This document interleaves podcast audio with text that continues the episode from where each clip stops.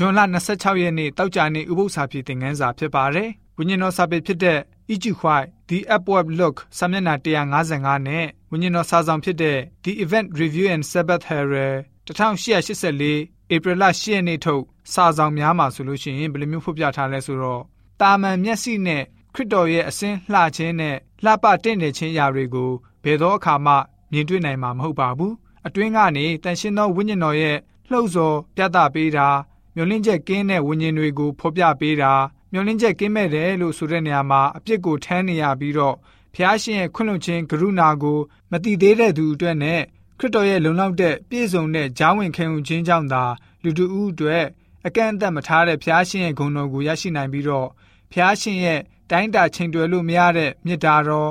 ရောင်ရဲပေးဆက်ခြင်းနဲ့ဘုန်းတော်ကိုမြင်တွေ့နိုင်မှာဖြစ်ပါတယ်။နှုတ်ကပတ်တော်ရဲ့အစိတ်ပိုင်းတွေအခန်းကြီးတစ်ခုလုံးမှာဖြစ်လင့်ကစား အလွတ်ကျက်ထားဖို့သင့်ပါတယ်။စာတန်ရဲ့စုံစမ်းခြင်းဝင်ရောက်လာတဲ့အခါမှာပြန်ပြီးတော့ရွတ်ဆိုအသုံးပြုနိုင်မှုဖြစ်ပါတယ်။လောကစည်းစိမ်ဥစ္စာကိုညွှန်ပြပြီးတော့စာတန်ဟာထားအောင်တွေးဆောင်လာမယ်ဆိုရင်ယေရှုရှင်ရဲ့အထီးရောက်ဆုံးသောတုတ်ပြန်ချက်ကတော့ကျမ်းစာလာဒီကားဆိုတဲ့စကားပဲဖြစ်ပါတယ်ဆိုပြီးတော့ဝိညာဉ်တော်စာပေစာဆောင်ဖော်ပြချက်များအားဖြင့်တောက်ကြနေဥပု္ပ္ပစာဖြစ်တင်ငန်းစာကဖော်ပြပေးထားပါတယ်ဥပု္ပ္ပစာဖြစ်တင်ငန်းစာ73ကတော့ဒီလောက်ပဲဖြစ်ပါတယ် ဥပု္ပ္ပစာဖြစ်အစီအစဉ်တစ်ဆက်သူကျွန်တော်ဆက်ဆောက်ပါကျမ်းနာတော်သူရောက်စီတိုင်းဝิญဉ်ခွန်အားနဲ့ပြေဝကြပါစေ